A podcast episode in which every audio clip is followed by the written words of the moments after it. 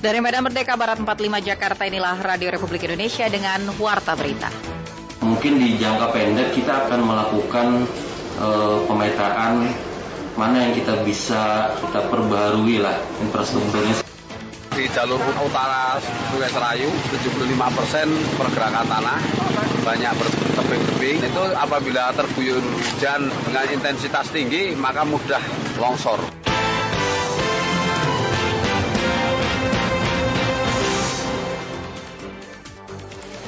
Sari Berita Panglima TNI Jenderal TNI Andika memberikan pengarahan ke markas besar TNI Angkatan Laut. Bangunan yang berdiri di atas saluran air di Kemang Utara, Bangka, Mampang Perapatan Jakarta Selatan belum juga dibongkar.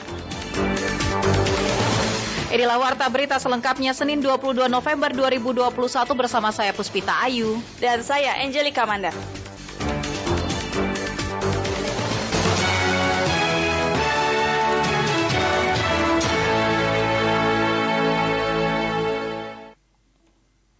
Mengawali warta berita siang ini kami hadirkan sekilas berita.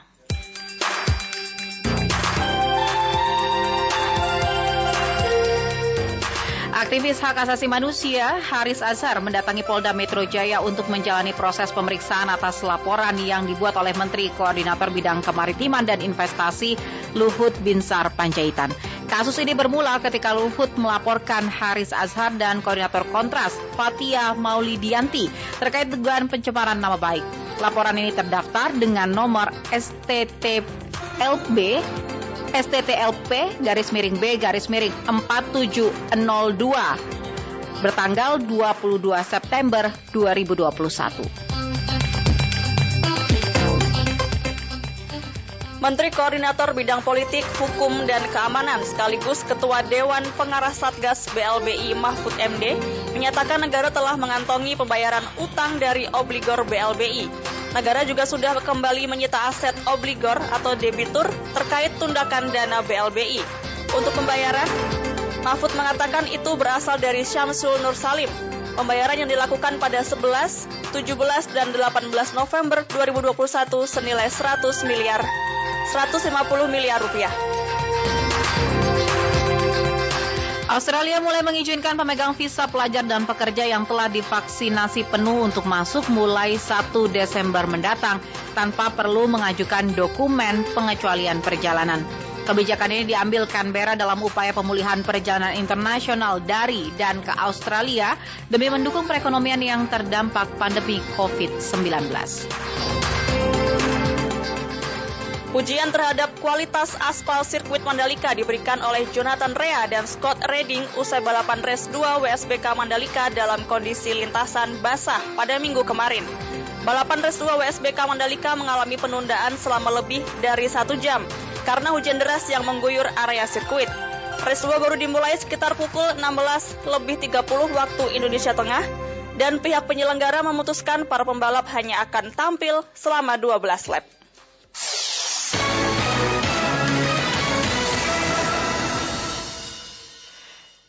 Informasi pertama pendengar Panglima TNI Jenderal TNI Andika Perkasa akan memenuhi kebutuhan alutsista ketiga angkatan sesuai perkembangan kemajuan ilmu, pengetahuan, dan teknologi modern. Hal tersebut dilakukan sesuai anggaran belanja yang disiapkan negara. Apa arahan Panglima TNI di jajaran TNI Angkatan Laut? Hal ini akan dilaporkan oleh reporter kami Eman Rero. Ya Eman. Baik, pendengar kami akan hadirkan uh, informasi dari Eman Rero, tapi sebelumnya kita simak informasi lain terlebih dahulu.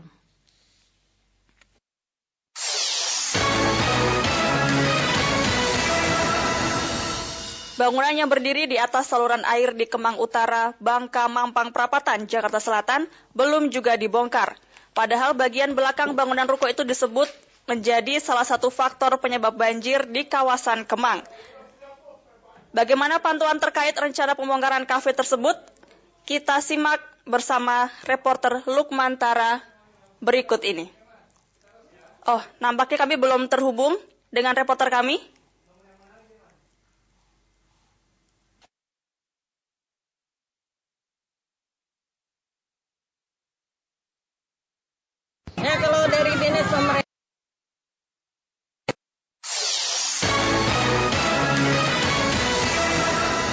Pasca banjir yang menerjang Kabupaten Hulu Sungai Tengah, para pengajar dan murid sekolah dasar negeri Hantakan mulai bergotong royong membersihkan sekolah mereka. Mengingat kondisi halaman sekolah sudah dipenuhi lumpur setinggi 20 cm. Berikut kami hadirkan informasi ini selengkapnya bersama reporter Aulia Rahman. Ya kalau dari dinas pemerintah kami mengharapkan untuk eh.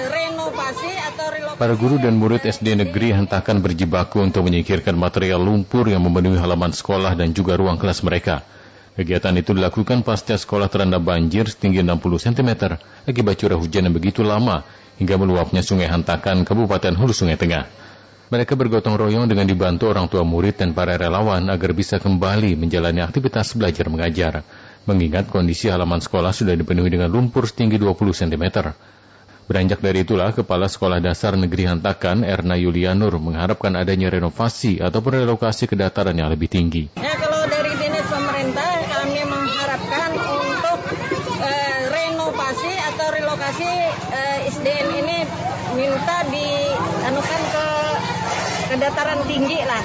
Kalau di sini kan, kalau di sini sudah yang Januari tadi ikut terendam, banyak juga berkas-berkas yang hilang dan untuk ini terulang kembali eh, berkas buku-buku ada yang rusak. Sementara PLT Kepala Dinas Pendidikan Kabupaten Hulu Sungai Tengah Muhammad Anhar mengupayakan adanya perbaikan terhadap sekolah-sekolah yang terdampak akibat banjir termasuk mencegah dampak banjir dengan meninggikan lantai sekolah. Mungkin di jangka pendek kita akan melakukan uh, pemetaan mana yang kita bisa apa ya istilahnya kita perbaharui lah infrastrukturnya sederhana lantainya hmm. mungkin agak ditinggikan sehingga nanti ketika yang terjadi seperti ini dengan curah hujan yang cukup intens maka itu tidak sampai ke ke lantai ruang belajar. Dinas Pendidikan Hulu Sungai Tengah menyatakan upaya mitigasi resiko peringatan dini sebenarnya sudah dilakukan sebelum datangnya banjir yaitu dengan mengingatkan sekolah untuk mengamankan dokumen dan kearsipan minimal 1 meter di atas lantai sekolah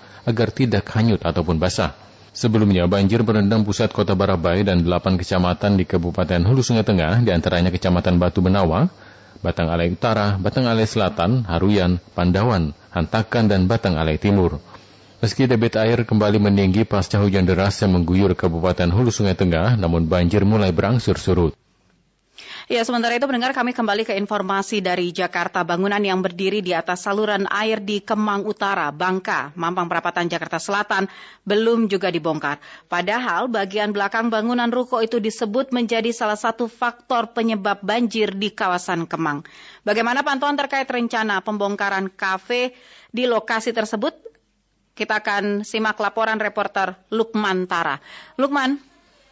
Iya, pendengar saat ini saya masih berada di Jalan Kemang Utara Raya nomor 33, di mana lokasi ini merupakan uh, terdapat bangunan yang memang menyalahi aturan. Ada sekitar lima bangunan terdiri dari dua kafe kopi yang bangunannya ini berdiri di atas saluran air dan ini tentunya juga dikatakan menjadi salah satu penyebab banjir di kawasan Kemang, Jakarta Selatan.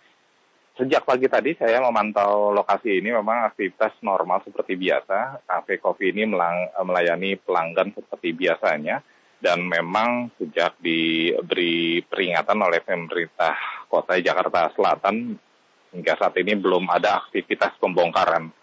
Memang dikasih tenggat waktu sekitar satu minggu atau satu pekan uh, ini untuk melakukan pembongkaran uh, bangunan yang memang mengganggu saluran air di sini dan pihak pemilik pun menyanggupi dan memang meminta dalam waktu satu pekan ini akan melakukan pembongkaran. Jika nantinya di dalam satu pekan ini tidak dilakukan pembongkaran, maka pemerintah kota Jakarta Selatan akan mengambil tindak lanjut.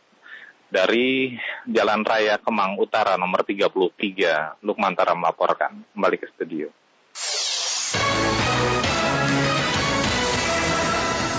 Panglima TNI Jenderal TNI Andika Perkasa akan memenuhi kebutuhan alutsista ketiga angkatan sesuai perkembangan kemajuan ilmu pengetahuan dan teknologi modern.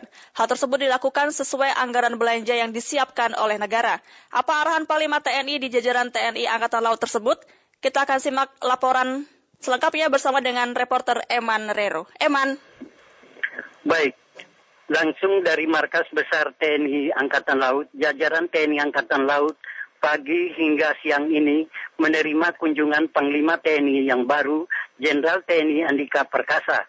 Panglima TNI disambut Kepala Staf Angkatan Laut Laksamana TNI Yudo Margono dan para perwira tinggi Angkatan Laut sebelum memasuki ruangan dalam rangka pengarahan secara internal di jajaran AL, Panglima TNI Jenderal Andika Perkasa mendekati wartawan menyampaikan tujuan kunjungan Mabes Angkatan Laut yang antara lain untuk berorientasi sekaligus mendapat masukan berbagai hal penting dari Kepala Staf Angkatan Laut yang dibutuhkan dalam mengemban tugasnya sebagai Panglima TNI yang baru menjawab pertanyaan RRI terkait pemenuhan kekuatan alat utama sistem persenjataan TNI ketiga angkatan Panglima TNI Jenderal Andika Perkasa mengakui akan selalu dilakukan sesuai kebutuhan dan perkembangan kemajuan ilmu pengetahuan dan teknologi tercanggih saat ini maupun ke depan. Berikut pernyataan Panglima TNI Jenderal TNI Andika Perkasa. Karena memang pemerintah juga punya tanggung jawab terhadap sektor-sektor lain, bukan saja pertahanan. Jadi bagi saya, saya sebagai pengguna, kita mengusulkan kepada Menteri Pertahanan pembelian alutsista yang realistis saja, sesuai dengan anggaran yang kita punya, tetapi pemilihannya pemilihan alutsista yang semakin lama semakin efisien. Karena kan teknologi terus berkembang. Misalnya untuk misalnya ya, misalnya untuk uh, alutsista angkatan darat, alutsista angkatan laut sama. Semuanya ada perkembangan sehingga walaupun alutsistanya ini sama tetapi kemampuannya double, triple bahkan mungkin juga bisa menangani beberapa alutsista. Nah, sehingga bagi saya dengan yang ada kita masih bisa membeli yang lebih efektif, cost efektif namanya, cost efektif. Pada kesempatan tersebut Panglima TNI Jenderal Andika Perkasa juga menyampaikan berkaitan dengan posisi jabatan Pangkostrat yang masih belum terisi setelah Jenderal Dudung Abdurrahman dilantik menjadi Kepala Staf Angkatan Darat. Namun hal tersebut menurut Panglima TNI Jenderal Andika Perkasa akan melakukan pertemuan dan berkonsultasi terlebih dahulu dengan Presiden Joko Widodo dalam hal perwira tinggi Angkatan Darat siapa yang layak dan pantas menjadi calon Pangkostrat yang baru. Demikian yang dapat saya laporkan langsung dari Markas Besar TNI Angkatan Laut, Cilangkap, Jakarta Timur.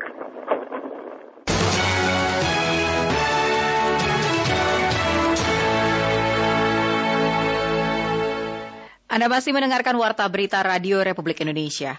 Ratusan buruh yang tergabung dalam Aliansi Buruh Banten Bersatu melakukan unjuk rasa di depan kantor Disnaker Kota Tangerang dan mengancam melakukan mogok kerja. Informasi ini selengkapnya akan dilaporkan oleh Saada Tudarain. Ain, bagaimana kondisi terkini aksi yang dilakukan para buruh? Baik, terima kasih pendengar di mana pun Anda berada. Saat ini saya berada di depan kantor Dinas Ketenagakerjaan Kota Tangerang di Jalan Perintis Kemerdekaan, Cikokol, Kecamatan Tangerang, Kota Tangerang, Banten. Di lokasi ini terdapat ratusan buruh sedang melakukan aksi unjuk rasa dengan memblokade di Jalan Perintis Kemerdekaan ini. Dan bahkan mereka pun melakukan aksi teatrikal dengan membawa keranda serta mengibarkan bendera berwarna kuning. Dan juga mereka pun mengibarkan bendera-bendera aliansi buruh serta membentangkan pamflet yang bertuliskan jangan kau rampas susu anakku penguasa asu. Juga bunda sedih ayah nggak naik gaji. Dan tidak hanya itu para pengunjuk rasa juga uh, sebelum sampai di kantor dinas ketenagakerjaan Kota Tangerang, para buruh melakukan aksi long march hingga memacetkan arus lalu lintas di sejumlah ruas jalan di Kota Tangerang. Para buruh ini menuntut soal kenaikan UMK di Kota Tangerang yakni 13,5 persen atau naik menjadi 4 juta 746 ribu dari 4 juta 200 ribu yang sebelumnya. Dan saat ini saya sudah bersama salah seorang koordinator aksi. Selamat siang Pak. Selamat siang. Pak, eh, namanya siapa Pak? Kusna Aryadi Putra, Ketua DPC KSPSI 1973 Kota Tangerang. Pak, bisa dijelaskan Pak terkait aksi saat ini Pak? Aksi saat ini kita sepakat dengan teman-teman serikat pekerja, serikat buruh yang ada di Kota Tangerang ini untuk mengawal daripada Dewan Pengupahan Kota Tangerang yang hari ini nanti jam 13.00 akan melakukan perundingan untuk menetapkan rekomendasi yang nantinya akan disampaikan kepada Gubernur Banten terkait kenaikan UMK tahun 2022 Kota Tangerang. Jadi kita intervensi lah kepada pemerintah. Paling tidak pemerintah bisa melihat bahwa dengan regulasi yang sekarang, justru regulasi yang sekarang di dalam Undang-Undang Cipta Kerja dan turunannya PP 36 yang mengatur tentang kenaikan upah. Regulasi tersebut mengikis, saya bilang mengikis daripada kesejahteraan yang ada. Karena upah merupakan tolak ukur daripada nilai kesejahteraan. Di mana nilai itu pun diperuntukkan bukan untuk karyawan yang misalnya sudah berkeluarga, anak satu, anak dua, atau anak tiga. Tapi itu tolak ukur kepada upah, namanya juga upah minimum untuk bujangan. Nah, jadi kalau upah naiknya hanya satu persen lebih, saya kira untuk kebutuhan teman-teman pekerja, teman-teman buruh yang ada di kota Tangerang, mungkin seluruh Indonesia ini saya kira tidak akan mencukupi untuk kebutuhan hidup. Itu pun untuk bujang gitu loh. Untuk bujang. Kita belum menghitung untuk yang berkeluarga. Keluarga anak satu, keluarga anak dua, ataupun keluarga yang anaknya tiga. Intinya seperti itu. Mungkin ada tambahan pertanyaan dari studio, silakan.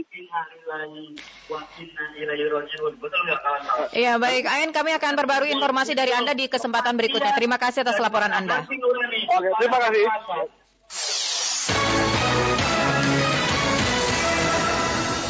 Sedikitnya 50 kali kejadian tanah longsor terjadi di Banjarnegara sejak dua bulan terakhir atau sejak memasuki musim hujan ini. Akibat terjadinya longsor, tujuh orang luka-luka dan puluhan rumah rusak. Menteri Sosial Tri Risma hari ini memberikan santunan kepada ahli waris korban. Dan selengkapnya akan dilaporkan oleh Joko Winarno. Sejak awal Oktober 2021 atau sejak musim penghujan hingga saat ini, di Banjarnegara telah terjadi sebanyak 50 kali kejadian bencana alam tanah longsor. Kepala Badan Penanggulangan Bencana Daerah Banjarnegara Ari Sudaryanto mengatakan, dari 50 kejadian bencana tanah longsor di Banjarnegara telah mengakibatkan lima orang korban jiwa serta merusak puluhan rumah warga di sejumlah desa dan kecamatan. Menurutnya longsor yang terjadi di Desa Pagentan, Kecamatan Pagentan yang menewaskan empat orang merupakan kejadian longsor yang ke-50 kalinya.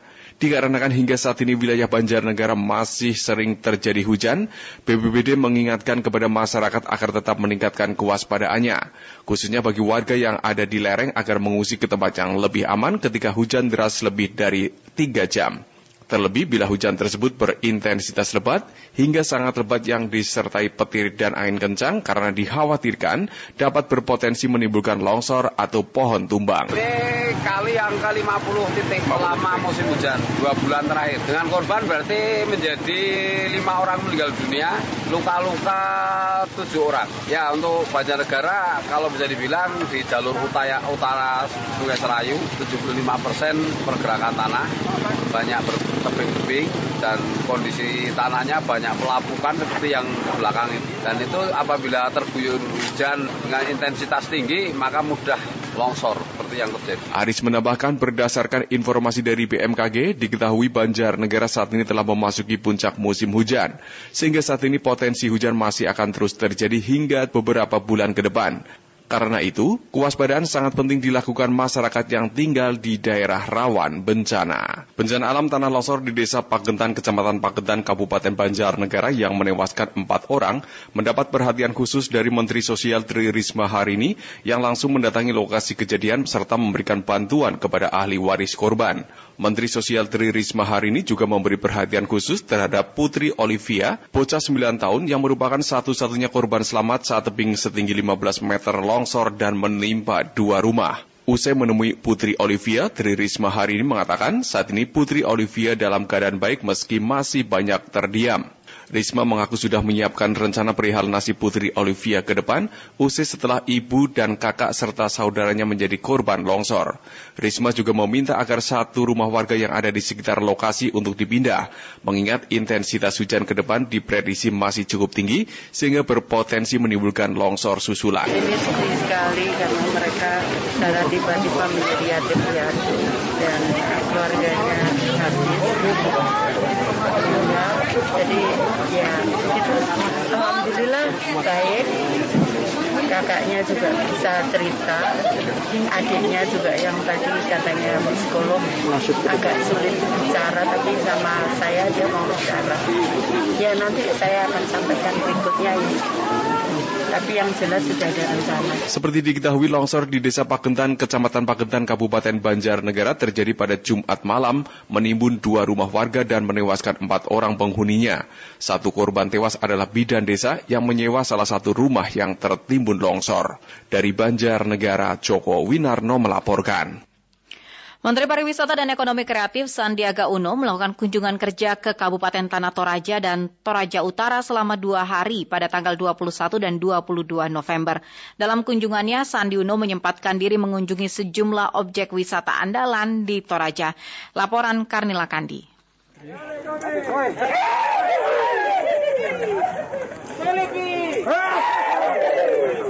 Seruan tersebut merupakan ciri khas masyarakat Toraja menggambarkan kegembiraan yang disebut meoli. Sambutan ini digaungkan para kepala OPD dan para tamu lainnya yang mengiring langkah Menteri Pariwisata Sandiaga Uno menuju ke lokasi wisata Buntu Burake di Kabupaten Tanah Toraja. Selain para kepala OPD, turut mendampingi Menteri Pariwisata RI, hadir pula Bupati Tanah Toraja, Theophilius Alorerung. Usai melihat langsung objek wisata Buntu Burake, yakni patung Yesus yang berada di ketinggian 1.700 meter di atas permukaan laut. Di hadapan awak media, Sandiaga Uno mengungkapkan jika potensi wisata yang dimiliki Toraja harus kembali dibangkitkan pasca pandemi. Sandi Uno, begitu ia akrab disapa, juga menjanjikan agar Toraja dapat kembali menjadi destinasi wisata tujuan kedua setelah Bali. Jika kita udah label ini sebagai tertinggi di dunia, dan dua tingginya dari ya. permukaan laut paling tinggi, yang kedua adalah paling tinggi juga dari segi uh, tinggi patung dari kelas tingginya ya. di Rio de Janeiro ini lebih tinggi. Berarti ini adalah yang sangat layak untuk dikunjungi wisatawan mancanegara. Jadi ini awal dari kebangkitan rebranding Toraja. Tahun depan kita akan menggagas uh, konsep internasional seperti sebelumnya Kongres PATA ternyata membawa Toraja menjadi destinasi kedua setelah Bali. Uh, kali ini kita harapkan juga terjadi uh, letupan uh, dan loncatan dengan bingkai pariwisata yang lebih berkualitas dan berkelanjutan. Sementara itu Bupati Tanah Toraja Theophilus Alorerung dalam sambutannya di sela-sela peninjauan vaksinasi bersama Sandi Uno yang dilakukan di Sapak Bayo Bayo Kecamatan Sangala menuturkan pihaknya telah menyiapkan sejumlah desa wisata di Kabupaten Tanah Toraja guna mendukung kebangkitan pariwisata di daerah ini. Pariwisata lah yang menghidupkan Toraja. Karena itu saya sampaikan kepada Bapak Presiden satu saja kami harapkan masyarakat Toraja belum Bapak berakhir selesaikanlah pariwisata Toraja dulu. Desa-desa sudah siap, tongkonan-tongkonan sudah siap, tinggal membutuhkan solusi dan fasilitasi dari Bapak Menteri. Terima kasih kami sudah masuk di 50 besar uh, desa uh, wisata di Indonesia dan ada 10 desa binaan dan kami siap untuk mereplikasi uh, desa wisata dan seluruh desa kami sudah perintahkan untuk menjadi desa wisata yang ada di Toraja ini. Dalam agenda kunjungannya kali ini, Menteri Pariwisata dan Ekonomi Kreatif Sandiaga Uno juga dijadwalkan mengunjungi dua desa wisata yang masuk dalam 50 besar Anugerah Desa Wisata yang diselenggarakan Kemenparekraf RI, yakni Desa Kole Sawangan, Kabupaten Tanah Toraja, dan Desa Nonongan di Kabupaten Toraja Utara.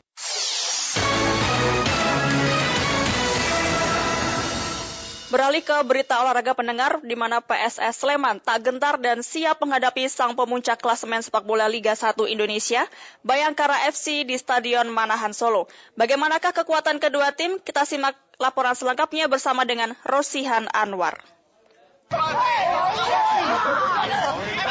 Pelatih Dijen Antoni kembali dihadapkan pada beban berat untuk membawa timnya merangkak ke papan atas klasemen. Pada pertandingan pekan ke-13, skuad Super Elang Jawa akan berhadapan dengan pemuncak klasemen sementara BRI Liga 1 Bayangkara FC. Beban yang diusung Dejan semakin bertambah karena waktu recovery atau pemulihan yang pendek plus sejumlah pemain pilar yang masih diganggu cedera. Namun demikian, mantan pelatih Borneo dan Madura United itu menyatakan para pemain PSS siap menghadapi laga berat yang akan berlangsung Senin sore di Stadion Manahan Solo. Puji Tuhan kondisi pemain sudah semua oke. Okay. Mario sudah gabung sama kita dan besok dia pasti masuk ke line up itu. Dari kondisi yang lain, puji Tuhan kita nggak ada yang cedera atau absen. Masih kita ada cuma Sadam sama Ega dari yang kemarin. Kalau dua-dua pemain yang itu pasti pasti lama ya recovering. Saat disinggung tentang tuntutan yang masih digaungkan oleh kelompok supporter PSS yang menginginkan dirinya mundur dari kursi kepelatihan, Dejan menegaskan semua pelatih memiliki tantangan dan beban di pundaknya. Namun sebagai seorang profesional, Dejan Antonik siap mempertaruhkan segalanya demi mengangkat prestasi klub. Beban pasti ada bukan karena ada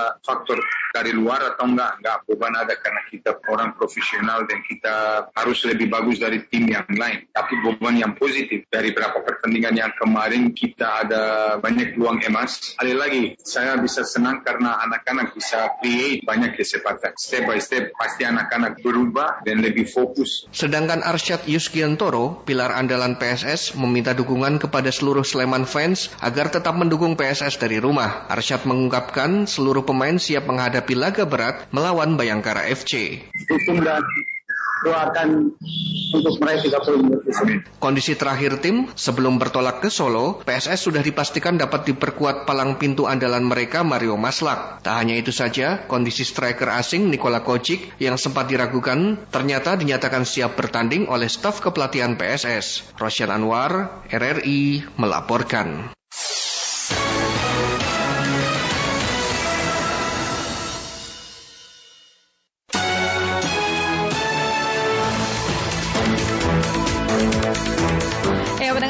Informasi dari dunia olahraga tadi sekaligus mengakhiri warta berita siang hari ini. Jangan ke mana-mana karena selepas ini kami akan kembali menghadirkan Indonesia Menyapa Siang. Tetaplah bersama kami.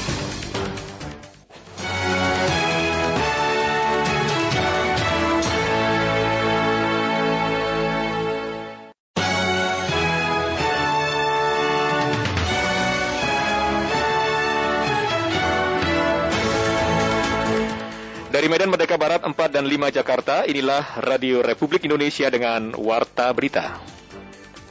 Menurut amanah dari PP 36 itu, upah minimum walaupun tingkat inflasi dan pertumbuhan ekonomi kita anjlok, tetapi tidak boleh di bawah dari upah minimum yang berjalan. Bagaimana kita menaikkan kalau kondisi perekonomian kita sangat anjlok? Semua keragaman dan kekayaan yang kita miliki harus kita jaga dan lindungi. Tidak dirusak dan dieksploitasi secara berlebihan. Bertanggung jawab terhadap keberlangsungan lingkungan dan ekosistem. Tetap terjaga dengan lestari menjadi kebanggaan bangsa dan negara kita.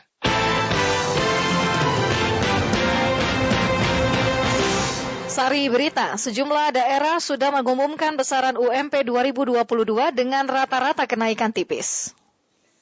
Presiden Joko Widodo meminta keragaman hayati di Indonesia tidak dirusak dan dieksploitasi. Inilah warta berita selengkapnya edisi Senin 22 November 2021.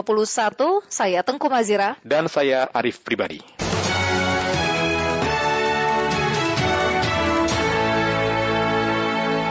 Dengan mengawali warta berita untuk malam hari ini kami sampaikan sekilas berita utama. Ketua Umum Dewan Pengurus Nasional Korps Pegawai Republik Indonesia atau DPN Korpri, Zudan Arif Fahrullah mengimbau seluruh aparatur sipil negara menaati aturan pemerintah yang meniadakan cuti bersama dan cuti akhir tahun 2021. Ia juga meminta seluruh ASN di berbagai daerah untuk tidak melakukan perjalanan keluar kota, baik untuk pulang kampung ataupun wisata.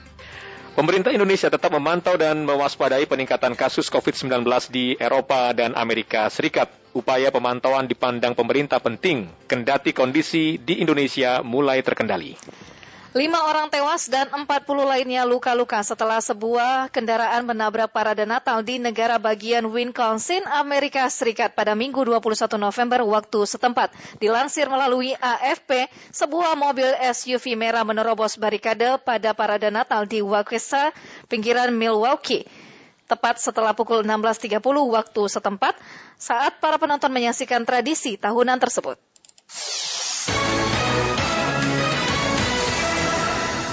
Kementerian Pendidikan, Kebudayaan, Riset, dan Teknologi atau Kemendikbudristek meminta pemerintah daerah terus melakukan koordinasi dengan gugus tugas penanganan COVID-19 jika ditemukan adanya klaster di sekolah. Hal itu disampaikan PLT Karo Humas Kemendikbudristek Anang Ristanto menanggapi adanya klaster sekolah di Depok dan Bogor, Jawa Barat.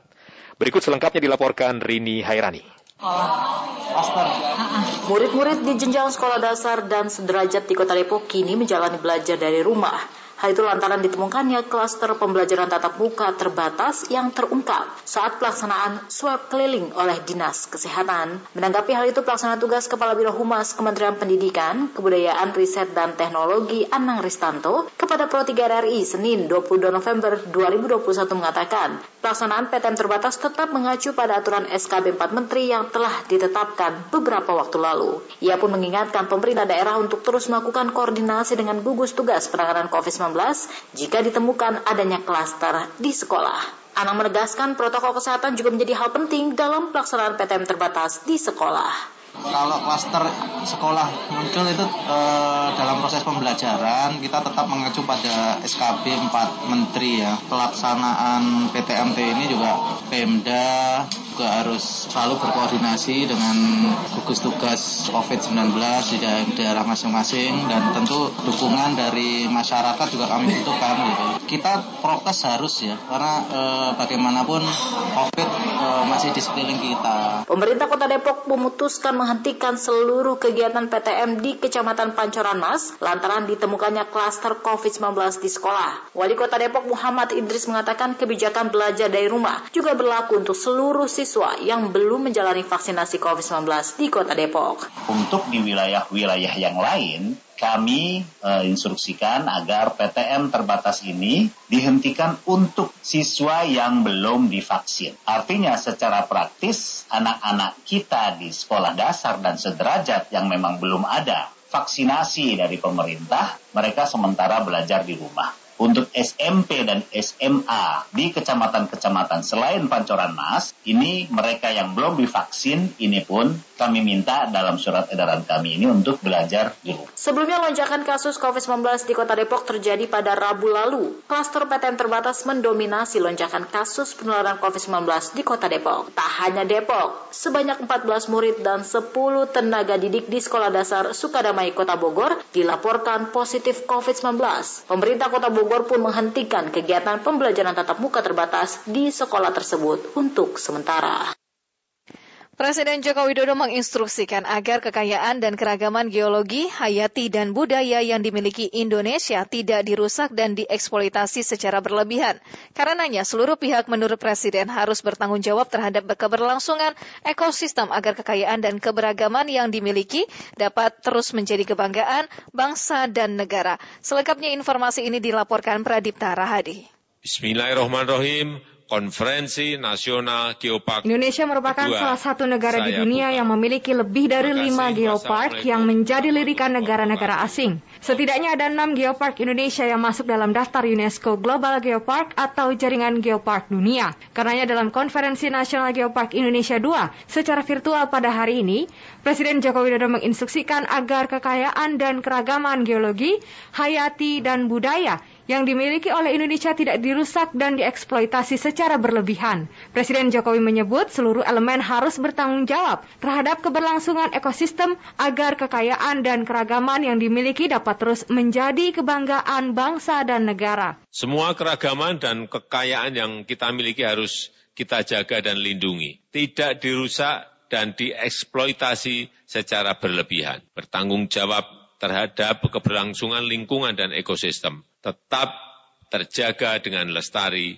menjadi kebanggaan bangsa dan negara kita. Selain untuk edukasi bagi anak-anak bangsa, geopark juga bisa dikembangkan menjadi tempat geowisata yang menarik, di mana wisatawan tidak hanya menikmati keindahan alam, sejarah geologi dan keragaman budaya di geopark, tapi juga bisa ikut terlibat untuk mengkonservasi lingkungan. Dalam kesempatan yang sama, Menteri BUMN Erick Thohir mengungkapkan pengembangan geopark sebagai destinasi wisata tentu akan memberikan efek ganda atau multiplier effect bagi masyarakat. Pengembangan geopark dilakukan dengan tetap mengedepankan nilai-nilai pembangunan berkelanjutan sesuai dengan prinsip SDG sehingga tidak hanya aspek ekonomi saja yang dikembangkan namun juga aspek community development agar daerah tidak dieksploitasi secara berlebihan. Dengan begitu, kelestarian geologi yang terkandung serta kekayaan hayati dan budaya daerah tetap terlindungi. Untuk diketahui, Indonesia saat ini menempati posisi ke-8 dari 44 negara terbanyak yang masuk dalam UNESCO Global Geopark. Beberapa geopark akan terus ditingkatkan untuk mewujudkan 12 destinasi wisata global geopark. Beberapa yang akan ditingkatkan statusnya menjadi UNESCO Global Geopark adalah Geopark Ijen di Banyuwangi, Geopark Maros Pangkep di Sulawesi Selatan, Raja Ampat, dan Merangin Jambi. Demikian Pradip Tarahadi, Pro 3 RRI.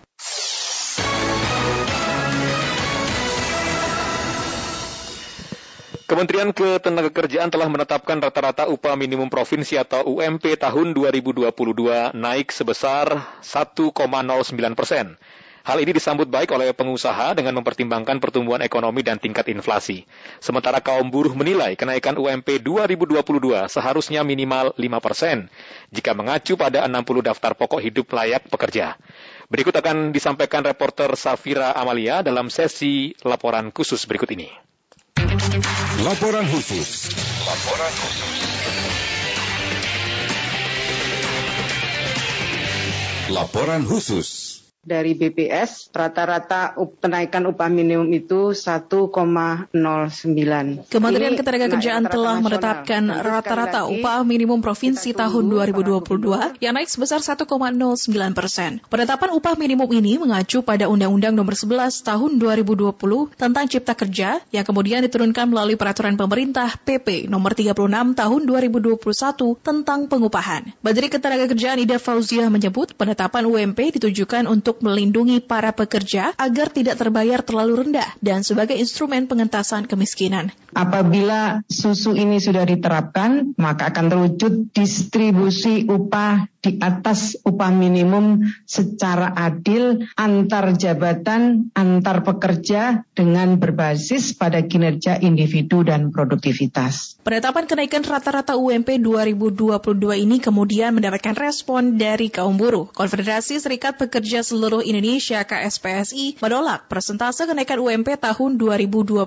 Presiden KSPSI Andi Gani Denawea mempertanyakan alasan pemerintah mematok besaran kenaikan upah sebesar 1, 0,09 persen. Menurutnya angka ideal kenaikan upah minimal 5 persen jika mengacu pada 60 daftar pokok hidup layak pekerja. Kalau kita menolak PP nomor 36, kita duduk bersama apa alasan pemerintah. Hitungannya seperti apa 1,09 persen? Parameternya apa? Karena buat saya sendiri saya nggak jelas. Kok bisa 1,9 persen? Sedangkan inflasi berapa persen? Pertumbuhan ekonomi 7 persen. Nah ini kan jadi semua kita menghitung di angka ya. Idealnya di hitungan kami 5 sampai 8 persen misalnya dengan hitungan itu harusnya keluar angka segitu. Sementara itu pengusaha bidang energi yang juga menjabat sebagai Ketua Bidang Keuangan dan Perbankan Himpunan Pengusaha Muda Indonesia HIPMI, Ajib Hamdani, saat dihubungi Pro 3 RRI mengatakan pihaknya bersama sejumlah pengusaha lainnya menyambut baik atas besaran kenaikan UMP 2022 sebesar 1,09 persen. Jadi sebenarnya sebenarnya dengan mempertimbangkan bahwa pertumbuhan ekonomi di tahun 2020 masih minus 5 persen, kemudian uh, inflasi di kisaran 3 persen, kemudian ketika kebijakan naik 1 persen itu adalah sebuah jalan tengah, karena tidak mungkin gaji turun kan. Menurutnya angka ini standar dan menjadi jalan tengah bagi pengusaha dengan mempertimbangkan pertumbuhan ekonomi dan inflasi. Kalau tahun lalu itu ya. kan uh, 3,27 persen Pak di 2021. Ya, jadi begini, kenaikan ini uh, menjadi sebuah angka yang cukup standar dan sekali lagi kita istilahnya menyebutnya sebagai sebuah jalan tengah. Mm -hmm. Bahwa memang pengusaha dalam kondisi yang masih survival pasca pandemi, mm -hmm. maka kenaikan satu persen relatif angka yang bisa diterima. Berarti ini bisa diterima intinya ya Pak ya, dengan satu ya, persen. Ya, yang penting naik gitu ya, Pak ya. ya karena uh, kalau uh, kenaikannya terlalu tinggi memberatkan pengusaha, tapi kalau misalnya nggak naik maka tentunya jadi nggak stabil, stabilitas perusahaan jadi terganggu tentunya. Hingga Senin 22 November 2021 diketahui sebanyak 29 provinsi telah menetapkan UMP tahun 2022. Adapun ketetapan UMP ini harus diikuti oleh perusahaan dan pemerintah daerah. Pengusaha yang membayar karyawan atau buruh di bawah ketetapan minimum akan dikenakan sanksi pidana. Begitu pula dengan Pemda yang tidak mengikuti ketentuan pengupahan dapat dikenakan sanksi administratif hingga pemberhentian sesuai dengan Undang-Undang Nomor 23 Tahun 2014 tentang Pemerintahan Daerah. Dari Jakarta, Safira Malia, Pro 3 RRI. Kenaikan rata-rata UMP 2022 sebesar 1,09 persen menuai komentar dari masyarakat. Berikut beberapa di antaranya. Saya diri saya salah satu karyawan di perusahaan swasta. Untuk keterangan kenaikan UMP di tahun 2002 menurut saya dengan nilai kurang lebih satu persen itu bagi saya sih kurang karena banyak kebutuhan yang naik juga apalagi di masa pandemi seperti ini apa-apa sulit. Saya Cika dari Depok. Tanggapan saya mengenai upah gaji minimal per bulan karyawan itu kan di 2022 harusnya naik 3 persen ya. Dan menurut saya kurang ya kalau cuma hanya satu persen. Sementara sekarang semua bahan pokok, biaya hidup tuh semua naik. Apalagi dalam kondisi seperti ini. Tolong dipertimbangkan lagi sih kembali menurut saya seperti itu. Nama saya Tri, rumah saya di Kunciran. Menurut saya kenaikan UMP satu persen itu ya ya nggak apa-apa lah daripada tidak naik sama sekali dan di apalagi di masa pandemi ini kan lagi sulit dapat kerja atau apa ya saya sih bersyukur aja bisa naik satu persen.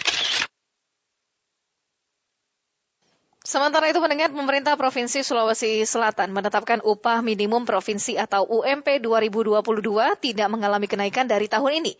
Kebijakan ini mendapat penolakan dari para buruh. Berikut laporan reporter Rahmat Salubarana dari RRI Mamuju.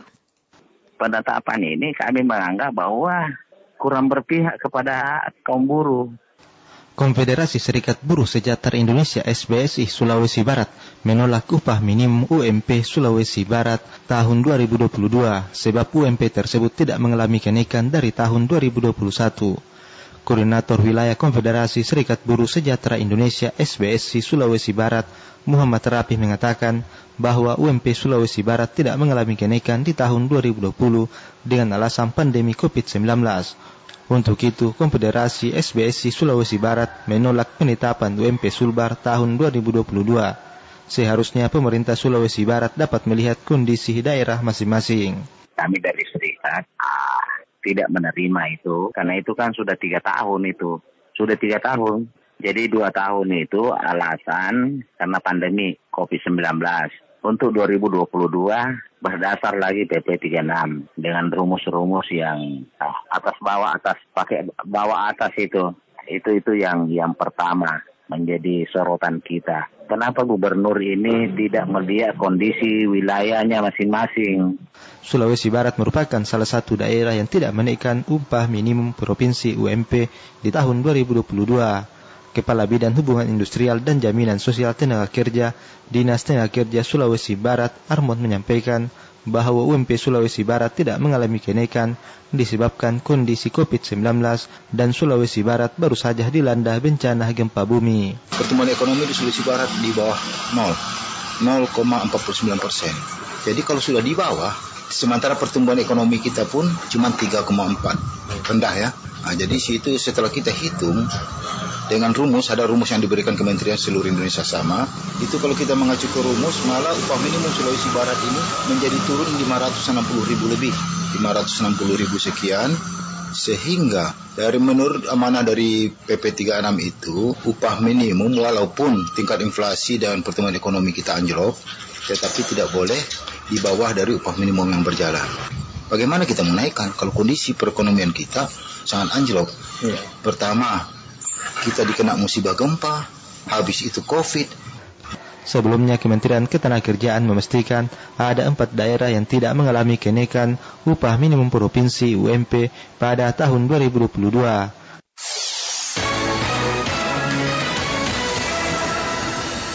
Pendengar terima kasih Anda masih mendengarkan Warta Berita Produksi Radio Republik Indonesia. Kementerian Kelautan dan Perikanan memamerkan hasil laut dari usaha mikro kecil dan menengah atau UMKM Indonesia di gelaran Expo 2020 Dubai Uni Emirat Arab. Direktur Jenderal Penguatan Daya Saing Produk Kelautan dan Perikanan, Artati Widiarti dalam keterangan persnya mengatakan, kegiatan tersebut sekaligus undangan bagi masyarakat dunia untuk menjelajah kekayaan cita rasa 17.000 pulau yang ada di Indonesia melalui produk seafood. Kementerian Kelautan dan Perikanan mengadakan pameran di Pavilion Indonesia dari tanggal 19 hingga 25 November. Sejumlah produk dipamerkan di ajang internasional ini antara lain abon ikan patin, olahan kulit ikan, abon ikan bandeng, keripik baby fish crispy, dan garam untuk kecantikan. Expo 2020 Dubai merupakan pameran berskala dunia yang menampilkan perkembangan dan kemajuan di bidang industri, teknologi, budaya, dan lingkungan hidup. Kita beralih ke informasi lainnya pendengar.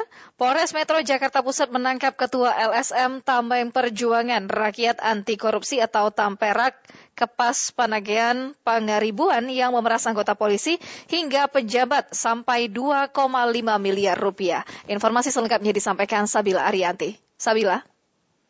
Pendengar Polres Metro Jakarta Pusat menangkap Ketua LSM Tameng Perjuangan Rakyat Anti Korupsi atau Tamperak Kepas Panagean Pangaribuan. Pria berusia 36 tahun ini ditangkap di sekretariatnya di kawasan Petukangan Selatan, Jakarta Selatan pada Senin tanggal 22 November sore. Kepas Panagean Pangaribuan ini ditangkap karena terlibat pemerasan terhadap anggota Polri hingga 2,5 miliar. Sementara tersangka utama adalah Ketua Umum DPP LSM Tamprak bernama Kepas Panagean pengaribuan yang bersangkutan ya, itu instrumental delik sudah kami sita alat kejahatan untuk menakut-nakuti berupa surat yang akan dikirim ke presiden kemudian komisi 3 dan lain sebagainya ini instrumental delik ke pimpinan TNI maupun Polri ini alat kejahatan. Nah, korpora delik ataupun hasil kejahatan kami akan trace karena ternyata yang bersangkutan juga menggunakan modus mengirim ke rekening LSM nggak bersangkutan. Kapolres Metro Jakarta Pusat Hengki pun menuturkan KPN sudah meresahkan terutama bagi pejabat di instansi pemerintahan. Dan KPN akan ditindak pidana dengan pemerasan sebagaimana diatur dalam pasal 368 dan 369 KUHP dan atau pasal 27 ayat 4 Undang-Undang ITE. Hengki pun menjelaskan ia belum bisa membeberkan motif dan jaringan pelaku karena baru saja dilakukan penangkapan. Dari Kemayoran Jakarta Pusat, Sabila Arianti melaporkan kembali ke studio. Pemerintah Kota Jakarta Selatan tengah mengumpulkan data dugaan pelanggaran pada bangunan kafe yang berdiri di atas kali di Jalan Kemang Utara, Bangka, Mampang, Perapatan, Jakarta Selatan. Diduga bangunan itu menjadi penyebab banjir yang kerap mengenangi Kemang Utara di setiap hujan deras datang. Pemerintah setempat menghimbau agar pemilik kafe membongkar sendiri bangunannya dengan tenggat waktu satu minggu. Sejauh mana kegiatan pembongkaran bangunan oleh pemiliknya? Berikut kita simak laporan bersama reporter Ayu Rahmaningtias. Ayu. Iya, pendengar Pro 3 saat ini saya berada di depan bangunan kafe yang berdiri di atas kali di Jalan Kemang Utara Bangka, Mampang Perapatan, Jakarta Selatan. Dan dalam pantauan kami belum ada aktivitas pembongkaran kafe ataupun tiga bangunan yang berdiri di atas saluran air Kali Mampang. Dan terpantau memang kafe bangunan ruko yang paling depan yang berdiri di atas saluran air tersebut masih beroperasi seperti biasa. Terlihat memang semakin sore semakin banyak pengunjung yang datang ke kafe tersebut. Baik itu pengunjung yang sedang mengobrol sambil mengopi dan ada juga yang ada di depan kafe dan ada yang di dalam kafe. Dan juga terpantau para pegawai kafe masih melakukan atau melayani pembeli seperti biasa sebelum adanya surat pemberitahuan diberikan.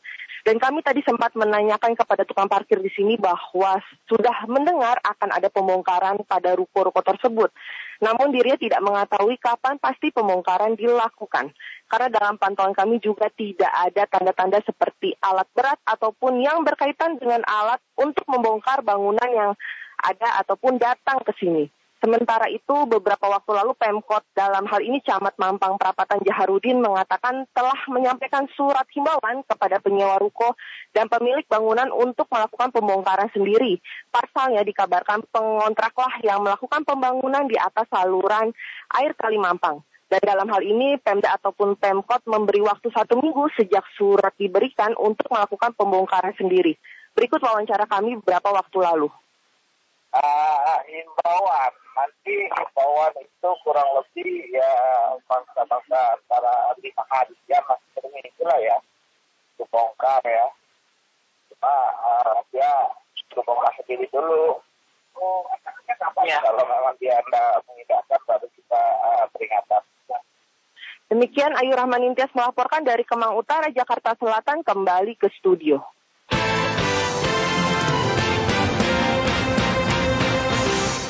Beralih ke informasi olahraga pendengar. PSS Sleman saat ini tengah menghadapi pemuncak klasemen Bayangkara Solo FC pada laga pekan ke-12 ke-12 Liga 1 di Stadion Manahan Solo. Saat ini kami sudah tersambung dengan reporter Edwi Puryono yang akan melaporkan langsung jalannya pertandingan. Edwi.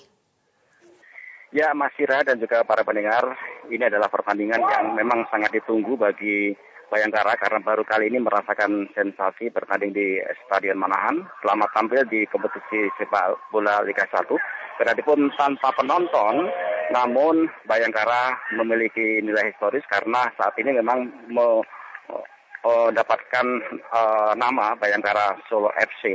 Dan pertandingan melawan PSS ini merupakan uh, pertandingan yang ke-14 dari beberapa kali pertandingan yang sudah dimainkan saat ini. Bayangkara masih berada di peringkat pertama dengan nilai 28.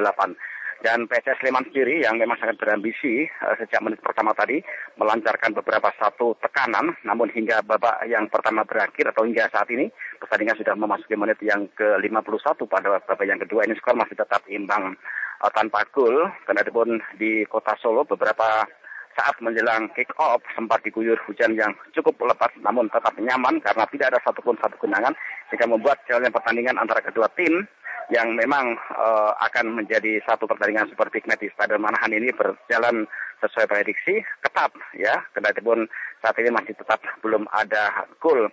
Dan pertandingan sendiri saat ini sudah memasuki menit yang ke-52 uh, PS Sleman tetap menurunkan beberapa pemain pilarnya termasuk uh, tiga pemain asing ada Aaron Michael Ivan, kemudian ada Eduardo Jos Barbosa dan juga Nemanja Kovic. Sedangkan di tubuh Bayangkara uh, Solo FC ini tidak ada satu pemain yang sempat menjadi goal getter yakni Ezekiel yang terkena kartu merah sehingga hanya dua pemain asing saja yakni Anderson dan juga Lee Jujun sedangkan beberapa pemain andalanya ini uh, berada di uh, timnas Ya, saat ini saya akan mencoba sedikit melaporkan jalannya pertandingan yang sudah memasuki menit yang ke-52 pada babak yang pertama skor ada 2-0 atau 0-0 saat ini. Satu tekanan coba dilakukan oleh pemain-pemain dari uh, Bayangkara. Ada Andi Bermansah namun tampaknya mampu dipotong dengan baik oleh uh, satu pemain dari PS Sleman Asrab Kuprod ini. Dan terjadi pelanggaran di sektor kiri darah pertahanan uh, PS Sleman dalam kedudukan tanpa gol di menit yang ke-53 ini. Pelanggaran tampaknya akan menjadi milik dari uh, PSS Sleman setelah uh, salah seorang pemain dari Bayangkara tadi, Sani Rizky tadi melakukan pelanggaran sehingga wasit memberikan free kick untuk tim dari uh, uh, Super Elja yakni uh, PSS Sleman. Pergantian pemain tampaknya dilakukan oleh PSS Sleman. Nomor punggung 77 Jeffrey Kurniawan. Uh, masuk kali ini uh, menggantikan Imran Jamrul Nila di posisi wing back kiri sehingga uh, diharapkan pergantian ini akan mampu memberikan tekanan setelah uh, pelatih dari uh, PSS Dijan Antonik ini memberikan uh, satu tenaga baru dan pertandingan kembali berlanjut untuk ke uh, Sleman yang saat ini akan melaksanakan tendangan bebas tepat di sektor kiri daerah pertahanan dari PSS Sleman. Penjaga gawang Miswar Saputra ini sudah berada uh, mendekati si kulit bundar melebar ke kanan, berikan pendek saja kepada nomor punggung 5 Kupron, Asap Kulpon, taruh ke belakang, kembali kepada penjaga gawang Miswar Saputra, masih di sebelah pertahanan. Pemain-pemain dari Sleman ini mencoba membangun langsung angkat ke depan yang terjadi dua pemain depan Asraf dan juga Derin uh, Rahman Nur. Namun terjadi pelanggaran dapat dikuasai pemain-pemain dari uh, Bayangkara. Terjadi lagi perebutan masih dapat dikuasai pemain-pemain dari Sleman. Pelanggaran kali ini dilakukan oleh salah seorang pemain dari Bayangkara.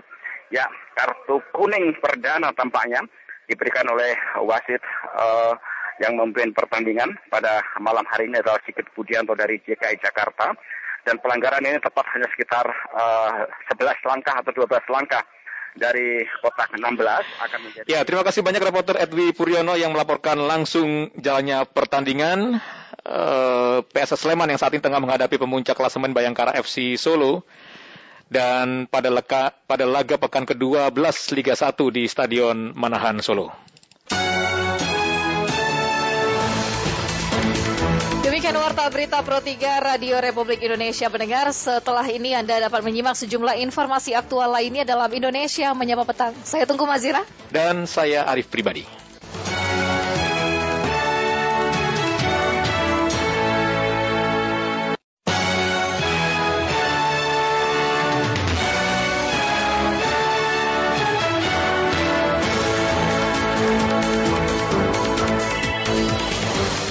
Selamat pagi pendengar, dari lantai 7 Medan Merdeka Barat Padan 5 Jakarta, inilah Radio Republik Indonesia dengan Warta Berita Pagi. Kita saat ini masih eh, apa namanya eh, menerima masukan atau aspirasi dari berbagai eh, berbagai organisasi maupun eh, berbagai lembaga masyarakat. Kita berharap almarhumah ini menjadi inspirasi bagi atlet-atlet yang sekarang masih aktif maupun yang junior tentang bagaimana kegigihan dan kedisiplinan.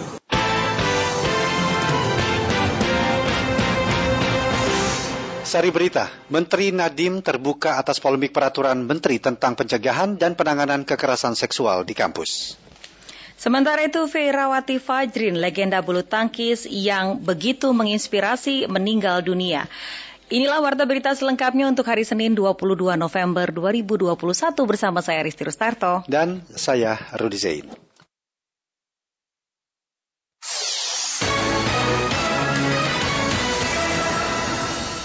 Pendengar mengawali warta berita pagi ini kami hadirkan sekilas berita.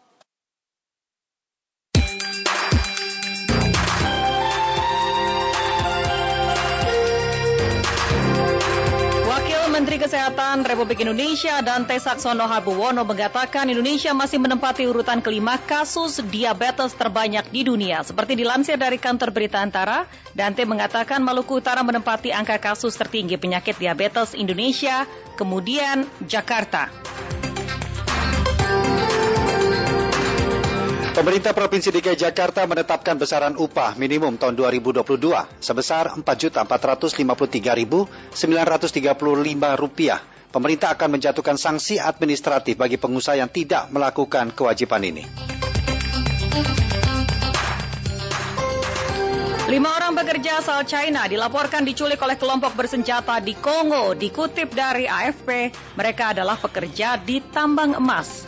Pihak militer menyebutkan total ada 14 yang diculik, namun 9 di antaranya berhasil dievakuasi.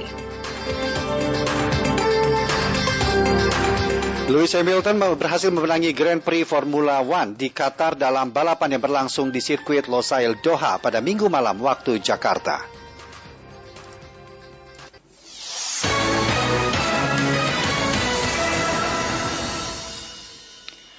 Peraturan Menteri Pendidikan, Kebudayaan, Riset, dan Teknologi Nomor 30 Tahun 2021 tentang pencegahan penanganan kekerasan seksual atau Permen PPKS di lingkungan perguruan tinggi menuai polemik.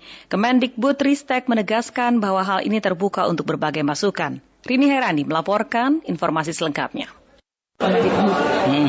Kementerian Pendidikan, Kebudayaan, Riset, dan Teknologi mengaku terbuka terhadap masukan terkait Permendikbud nomor 30 tahun 2021 tentang pencegahan dan juga penanganan kekerasan seksual atau PPKS. Hal tersebut disampaikan pelaksana tugas Kepala Biro Humas Kemendikbudristek Anang Ristanto dalam diskusi bersama Forum Wartawan Pendidikan. Terkait adanya permintaan revisi Permendikbud ini menurut Anang, semua masukan menjadi bahan kajian meski tidak semuanya dapat diakomodasi sebagai solusi terbaik untuk penyempurnaan. Anang pun memastikan peraturan tersebut muncul karena maraknya kasus kekerasan seksual di lingkungan kampus yang tidak ditangani dengan optimal. Oleh karena itulah pihaknya membuat regulasi untuk mencegah kasus kekerasan seksual sekaligus sebagai upaya memberikan efek jerah bagi para pelaku. Bukan peluang membuka revisi ya, jadi kita saat ini masih eh, apa namanya eh, menerima masukan atau aspirasi dari berbagai eh, berbagai organisasi maupun eh, berbagai lembaga masyarakat. Nah ini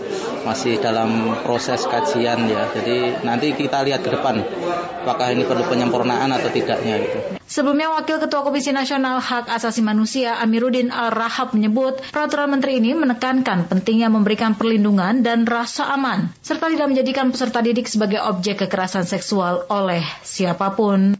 Permendikbud Ristek ini tentu berguna baik bagi membangun komunitas yang lebih kondusif kepada penghormatan hak asasi manusia di kampus-kampus. Jadi perlu kita dukung uh, permen itu sehingga semua kampus bisa membenahi dan menanggulangi jika memang terjadi hal-hal. Seperti diketahui Permendikbud PPKS yang ditandatangani Mendikbudristek Nadiem Makarim menuai kritik, khususnya dari kalangan ormas Islam, lantaran dianggap melegalkan zina dan seks bebas. Hal tersebut didasarkan pada frasa tanpa persetujuan di pasal 5 yang menjelaskan mengenai bentuk kekerasan seksual.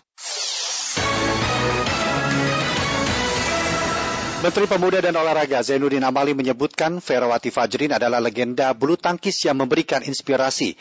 Menteri Amali berharap kegigihan dan kedisiplinan Ferawati menjadi contoh bagi atlet muda. Hal itu disampaikan oleh Menteri Zainuddin Amali usai melayat ke kediaman rumah duka di Cipayung seperti yang diliput oleh Hamzah Arianto berikut ini.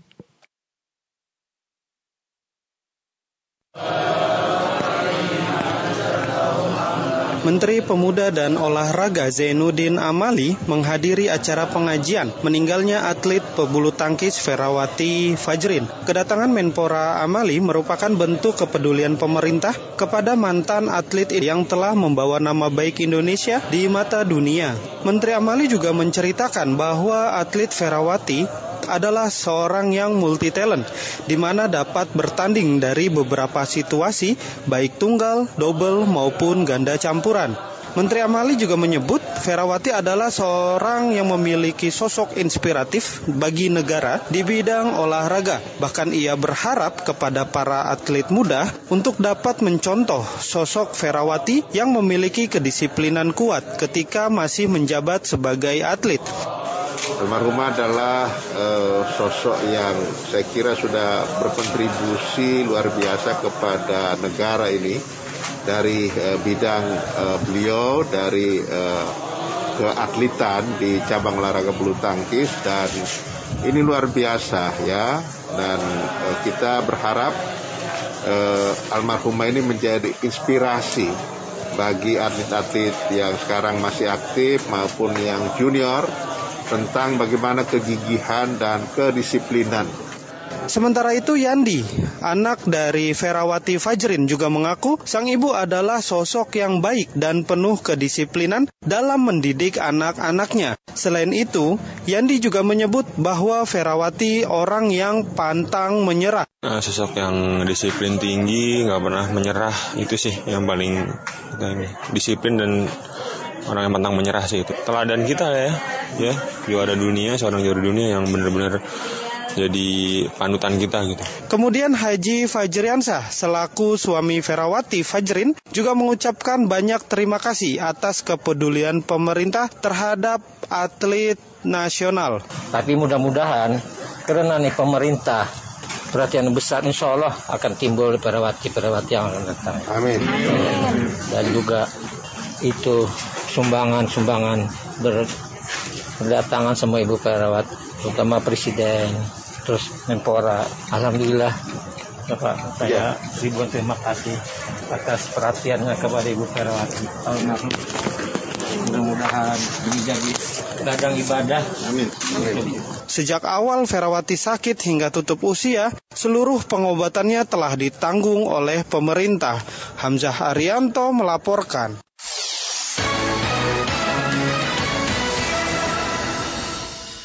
Terima kasih Anda masih bersama kami mendengarkan Warta Berita Radio Republik Indonesia. Gigi dan pantang menyerah dan berdisiplin tinggi adalah gambar dari kepribadian sosok almarhumah Ferawati Fajrin yang telah berpulang dengan meninggalkan deretan catatan emas bagi kejayaan bulu tangkis Indonesia. Laporan khusus. Laporan khusus. Laporan khusus.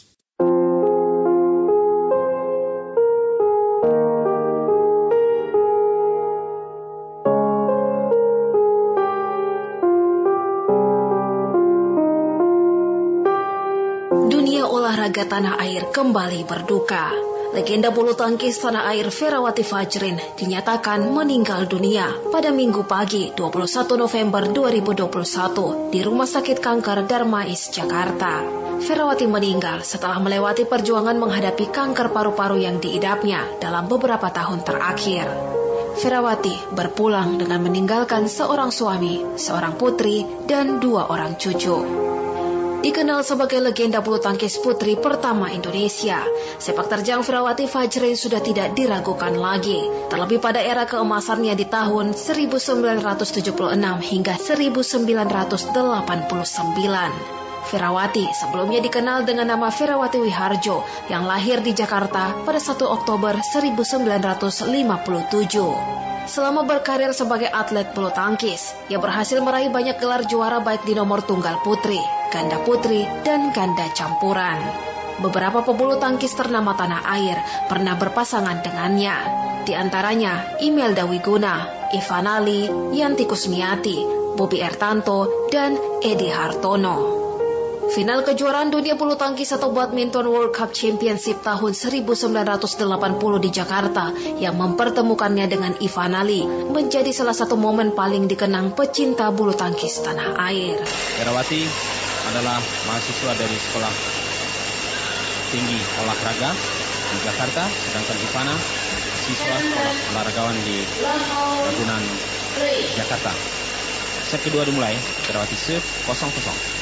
Semasa masih aktif bermain, Ferawati Fajrin tergolong sebagai atlet yang rutin mendulang prestasi bagi Indonesia. Pada ajang SEA Games, Ferawati tercatat telah menyumbangkan 11 medali emas pada periode tahun 1977 hingga 1989. Dari seluruh capaiannya di Asian Games, edisi 1978 di Bangkok, Thailand adalah yang paling berkesan baginya.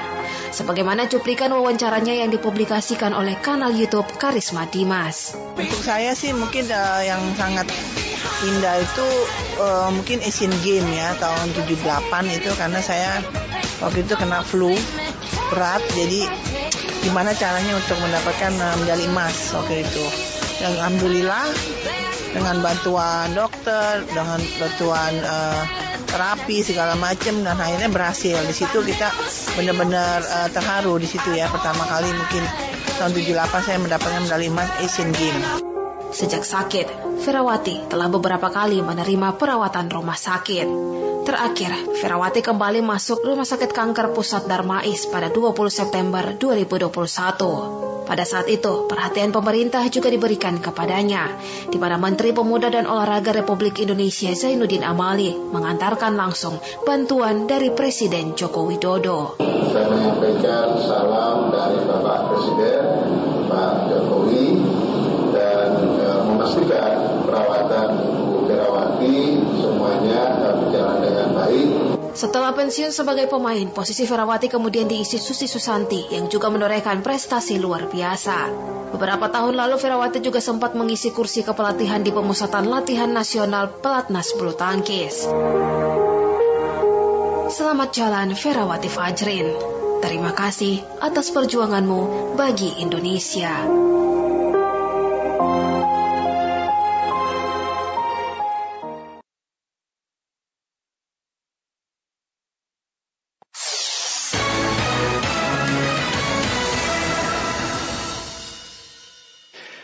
Terima kasih pendengar Anda masih bersama kami. Ferawati Fajrin meninggal dunia pada usia 64 tahun setelah sempat menjalani pengobatan kanker paru-paru. Ferawati merupakan pemain berprestasi yang dimiliki oleh Indonesia. Ferawati adalah atlet bulu tangkis putri yang bermain pada tiga nomor sektor, yaitu tunggal putri, ganda putri, ganda putra campur, ganda campuran, dan hebatnya Ferawati meraih banyak prestasi dari tiga nomor tersebut. Berikut kami hadirkan kembali Profil singkat Ratu Bulu Tangkis Indonesia.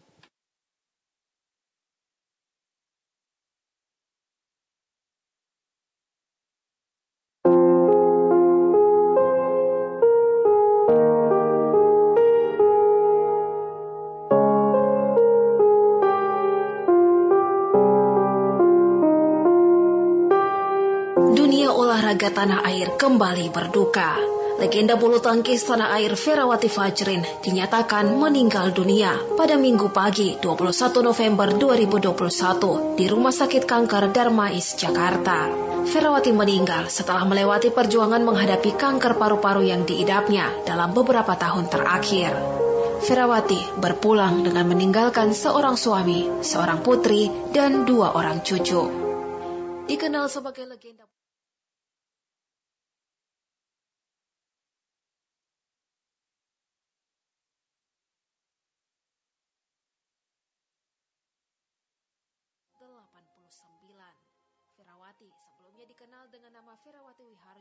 Yang lahir di Jakarta pada 1 Oktober.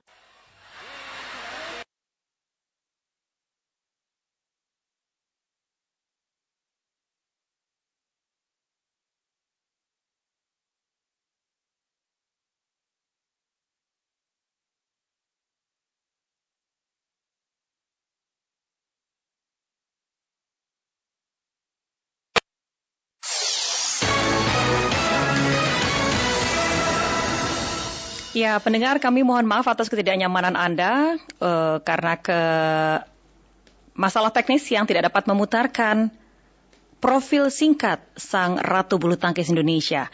Namun, sosok almarhumah Ferawati Fajrin ternyata memiliki posisi tersendiri di masyarakat, terutama mereka di tahun 1980-an yang mencintai olahraga bulu tangkis. Berikut tanggapan masyarakat.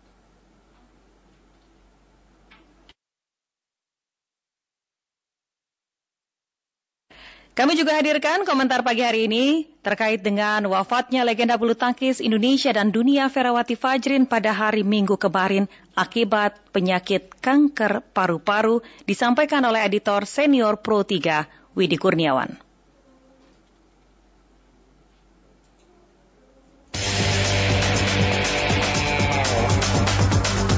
Editorial Pro 3 Kita semua turut berduka cita atas wafatnya Mbak Ferawati. Selamat jalan Mbak Vera, semoga Tuhan menempatkan Mbak Vera pada tempat yang paling mulia. Seluruh bangsa Indonesia dan dunia kehilangan sang legenda bulu tangkis dalam usia 64 tahun akibat sakit. Presiden Joko Widodo mendoakan almarhumah yang telah memberi banyak jasa bagi Indonesia. Berbagai kalangan pun mendoakan Mbak Vera yang telah pergi dengan keharuman nama dan prestasinya. Sejumlah media internasional pun turut memberitakan kabar duka tersebut, seperti Malaysia Today dan Newstra Times.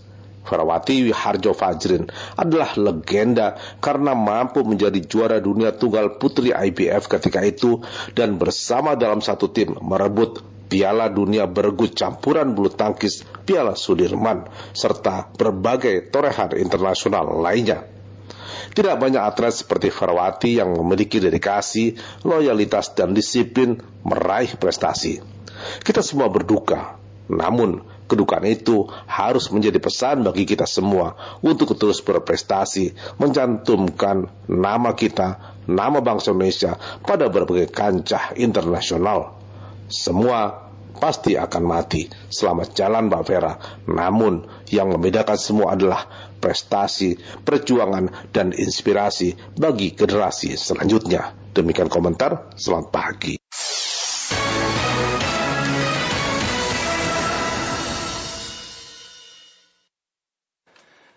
Ya, dan kembali kami akan sampaikan bagaimana tanggapan masyarakat terkait dengan uh, segudang prestasi ataupun juga Ferawati Fajrin yang telah pergi meninggalkan kita semua dan bagaimana masyarakat mengenang sosok legenda bulu tangkis putri kita ini.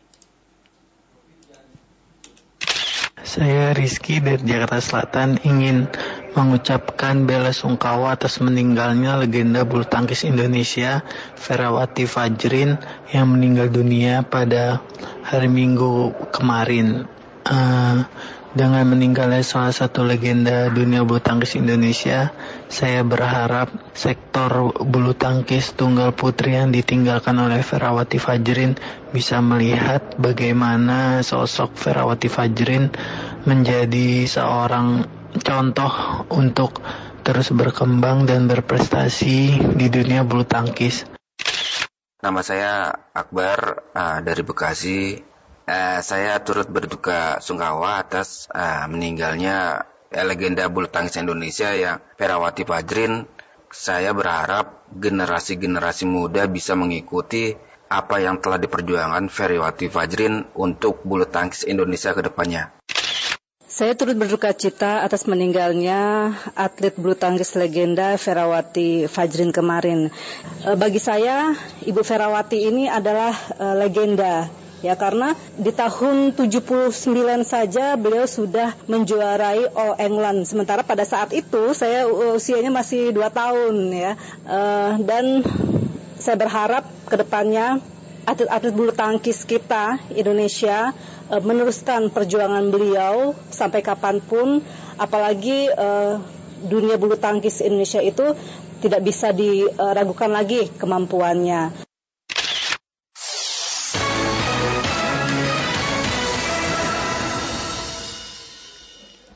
Sirkuit Mandalika menatap ajang balap motor internasional seperti kejuaraan MotoGP 2022 setelah menjadi penentu kejuaraan balap motor World Superbike 2021 pada 19 hingga 21 November 2021 yang lalu. Keberadaan ajang balapan kelas dunia akan mendongkrak perekonomian masyarakat. Dari Lombok, Agus Santosa menyampaikan informasi selengkapnya. Agus. Risti dan Rudi, saat ini saya berada di depan salah satu hotel di Mataram dan sirkuit Mandalika Lombok Tengah memang tengah menatap ajang balap motor internasional setelah berhasil sebagai penyelenggara balap motor Superbike 2021 19 sampai 21 November 2021 kemarin. Keberhasilan ini sedianya tak lepas dari peran semua pihak yang ikut mendukung terselenggaranya event balap motor internasional tersebut dan balap motor internasional memang tak hanya satu sebab World Superbike adalah satu di antara event balapan motor yang diselenggarakan oleh Dorna Sport di berbagai negara. Dan Mandalika dipilih Dorna menjadi seri penutup ajang kemampuan para pebalap Superbike di atas sirkuit sepanjang 4,3 km. Adalah MotoGP pendengar yang nantinya menjadi orientasi pengelola sirkuit Mandalika ke depan, ya di, di Maret 2022 satu event besar yang tentunya sangat ditunggu masyarakat, tak hanya Nusa Tenggara Barat tetapi juga eh, mancanegara. Sementara untuk Superbike sendiri, seperti telah diketahui, telah menyedot perhatian internasional ke Mandalika. Tak kurang dari puluhan hotel di Mandalika atau di Mataram kebanjiran tamu untuk menginap atau sekadar menikmati suasana keindahan alam kawasan ekonomi khusus Mandalika, Kuta, Lombok Tengah. Situasi ini uh, tentu amat sangat uh, menguntungkan sekaligus berbeda dengan kepariwisatan NTB yang dikatakan uh, sempat uh, atau terpuruk selama hampir 17 bulan ke belakang karena pandemi COVID-19. Namun dampak lainnya juga dirasakan oleh para pedagang hasil buatan pelaku usaha mikro kecil dan menengah yang ada di Mataram, seperti kerajinan mutiara yang terkenal di mancanegara. Seperti apa cerita soal itu? Saat ini saya sudah bersama dengan Bapak Samsul salah seorang pedagang kerajinan mutiara yang sedang menggelar dagangannya di depan Hotel Santika Mataram. Pak Samsul, seperti apa kondisi jualan ya selama tiga hari ini Pak Samsul? Ya, kondisi jualan selama tiga hari ini masih belum yang kita katakan sebagai belum pulih nor atau normal lah. Karena masih ada tamu yang takut untuk menghampiri para pedagang sehingga itu untuk membuat para pedagang ya sulit untuk mendapatkan hasil jualan seperti itu Bang. Apakah Pak Samsul sendiri berjualan mutiara selama tiga hari ke belakang ini? Ya kebetulan selama tiga hari, saya sudah lima hari karena dapat isu bahwa akan banyak tamu yang akan hadir di Nusa Tenggara Barat ini. Jadi saya sudah lima hari terakhir ini sudah keluar. Memang sih ada saya dapat jualan tapi itu sekedar aja kita bilang dulu. Alhamdulillah untuk membuka petualangan kita kembali dalam berjualan. Dah. Karena ini awal daripada setelah masa pandemi ini kita. Dan perikanan mutiara Lombok uh, sungguh terkenal. Uh, kerajinan tangan ini dapat dipadukan dengan kerajinan emas yang ada di Mataram dan cerita soal itu tadi sudah disampaikan oleh Pak Samsul, salah seorang perajin uh, pedagang mutiara di Mataram. Namun pemerintah pun telah menaruh perhatian dengan mendirikan seperti mendirikan balai perikanan budidaya, budidaya laut di Sekotong Lombok Barat yang artinya produk hasil laut ini benar-benar menjadi konsentrasi pemerintah untuk dikembangkan ke depan termasuk sebagai produk unggulan di tengah ajang balap motor World Superbike 2021 kemarin dan kembali menatap untuk MotoGP di 2022. Agus Santosa, Pro 3 RRI.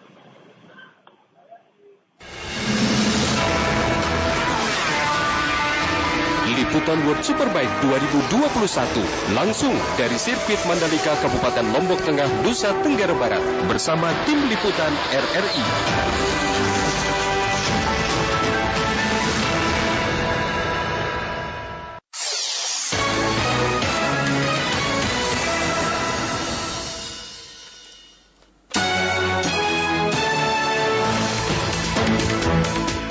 Pendengar tetaplah bersama kami dalam program 3 Radio Republik Indonesia untuk menyimak informasi-informasi aktual lainnya dari seluruh penjuru tanah air. Saya Rudi Zain. Saya Risti Rustarto. Selamat, Selamat pagi. pagi.